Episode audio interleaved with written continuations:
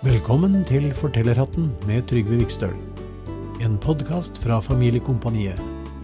Her får du fortellinger fra Bibelen og andre fortellinger som passer for barn. Langt, langt borte for lenge siden, i en landsby i Russland, bodde det en gammel skomaker. Panov het han. Alle i byen kalte han Papa Panov, for han var godt likt av alle. Papa Panov var ikke rik, men ikke fattig heller. Han hadde skomakerverkstedet sitt med tingene sine, en god ovn og en god stol og en seng å sove i om natten. Mange mennesker kom for å kjøpe sko eller reparere de som var gått i stykker. Pappa Panov hadde alltid tid til å slå av en prat, og han var nesten alltid glad og tilfreds. Men akkurat denne dagen var det annerledes. Det var julekveld, og den gamle skomakeren var ensom. Han tenkte på kona som var død for mange år siden. For å trøste seg tok han en gammel bok ned fra hyllen og begynte å lese. Han var liksom ikke så alene, da. Han leste om den første julekvelden, da Jesus ble født. Ikke i ei varm stue, men i en liten stall, fordi det ikke var plass andre steder. Han leste om de vise menn som kom med gaver til det lille barnet, gull og røkelse og myrra. Å nei, å nei, sukket pappa Panov. Dersom Jesus kom hit, hadde jeg ikke hatt noen gaver til ham.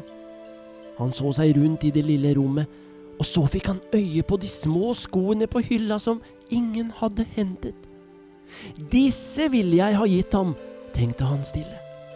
Men Jesus, han kom nok ikke til ham. Han fortsatte å lese i Bibelen sin. Men snart sovnet den gamle skomakeren i stolen i det lille verkstedet. Plutselig hørtes en stemme i rommet. Pappa! Pappa Panov!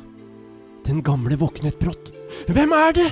ropte han, men han så ingen. Så hørte han stemmen igjen. Du ønsket å få besøk av meg?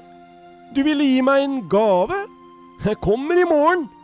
Pass på at du kjenner meg, for jeg sier ikke hvem jeg er. Så ble alt stille. Pappa Panov gned seg i øynene. Det var han! Det var Jesus! sa han høyt til seg selv. Han ristet på hodet og reiste seg opp. Men hvordan skal jeg kjenne ham igjen, tenkte han. Jo, jeg får holde øye med alle som kommer. Da morgenen kom, kokte han seg en varm kopp kaffe og satte seg ved vinduet for å vente. Endelig kom det noen. Langt borte kunne han se en skikkelse. Kanskje det var Jesus som kom på besøk.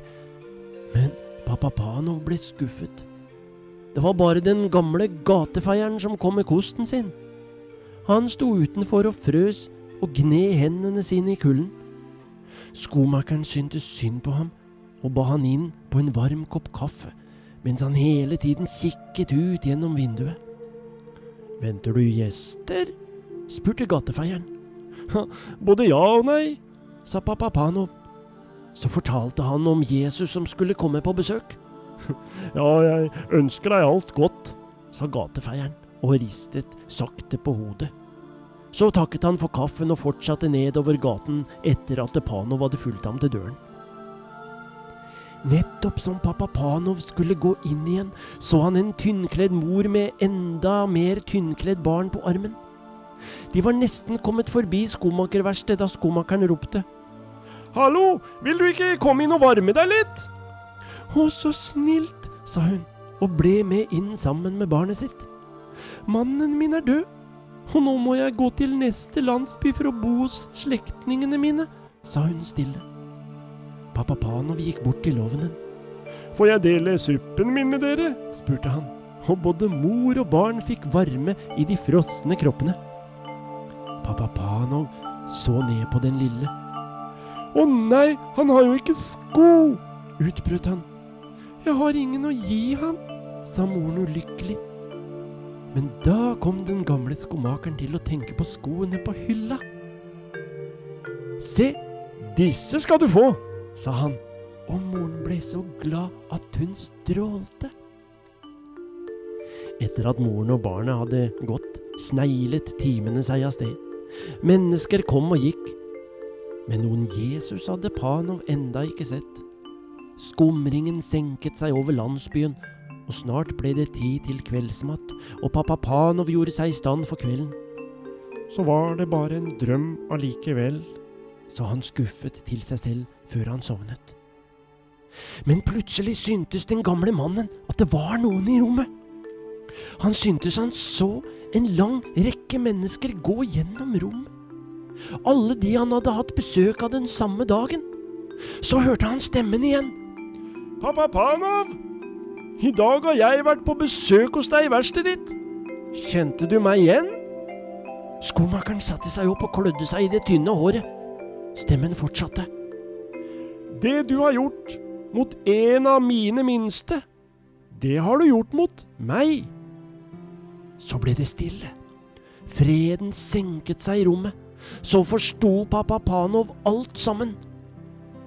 Takk, sa han mens han strålte tankefullt, og øynene fyltes med tårer. Takk, Jesus, så kom du allikevel. Så har jeg funnet fram bibelboka mi. Du skal nemlig få et minneord ifra Bibelen. Og da skal du få det fra juleevangeliet. Lukasevangeliet, kapittel 2 og vers 11. Og der står det I dag er det født dere en frelser i Davids by, som er Betlehem. Han er Kristus Herren, for det er det jula handler om. Tenk litt på det, ja. Og så må du ha riktig god jul. Da var det slutt for denne gang. Du har hørt Trygve Vikstøl i Fortellerhatten, en podkast fra Familiekompaniet. Vil du høre flere episoder, så følg med og abonner på denne podkasten. Vil du høre musikk med Trygve, så kan du gå inn på familiekompaniet.no og sjekke ut hva han har laget. Du kan også søke på Trygve Vikstøl på ulike strømmetjenester som Spotify, Apple Musikk, YouTube osv. Lykke til!